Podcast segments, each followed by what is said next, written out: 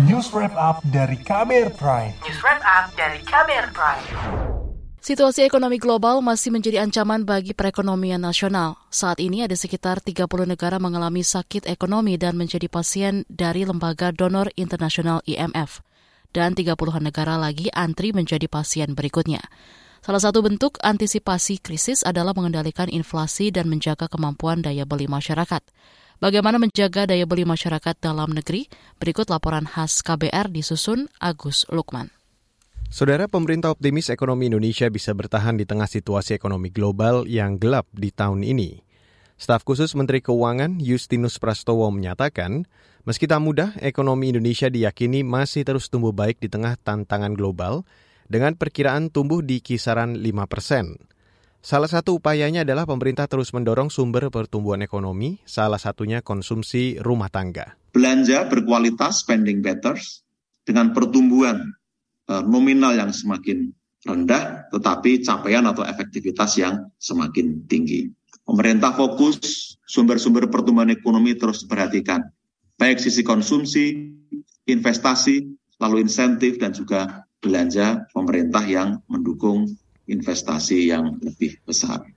Sebelumnya Menteri Keuangan Sri Mulyani Indrawati menyebut konsumsi rumah tangga menjadi perhatian serius bagi pemerintah. Ia mengatakan konsumsi rumah tangga memiliki kaitan erat dengan daya beli masyarakat. Kalau kita bicara tentang uh, daya beli masyarakat, APBN kita menjadi shock absorber yang luar biasa. Tahun ini kita membelanjakan untuk subsidi kompensasi di atas 500 triliun. Tahun depan bansos kita mencapai 470 triliun. Itu untuk menjaga daya beli masyarakat dan memberikan jaring pengaman sosial terutama kepada kelompok yang vulnerable.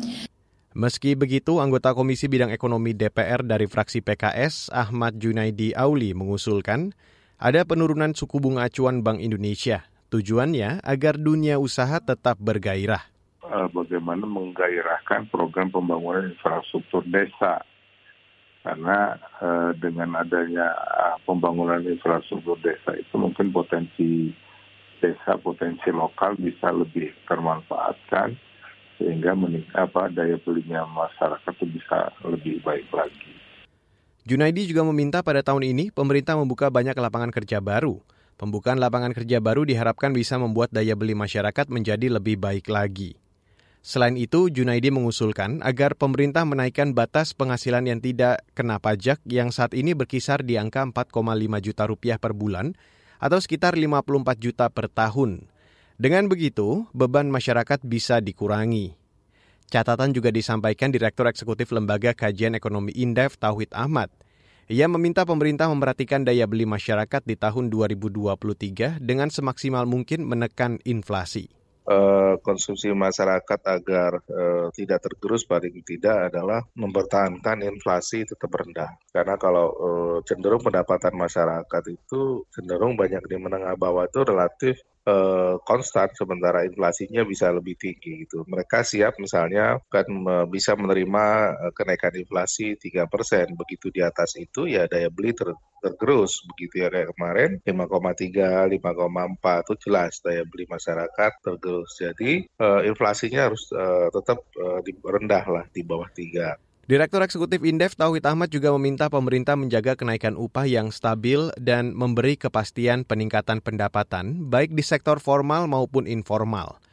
Ia juga mendorong pemerintah melanjutkan program bantuan sosial untuk kelompok yang membutuhkan. Namun, ia meminta agar pemerintah mengevaluasi program bansos agar menjadi lebih tepat sasaran. Saudara, laporan ini disusun Agus Lukman, saya Reski Mesanto. Kamu baru saja mendengarkan news wrap up dari KBR Prime. Dengarkan terus kbrprime.id, podcast for curious minds.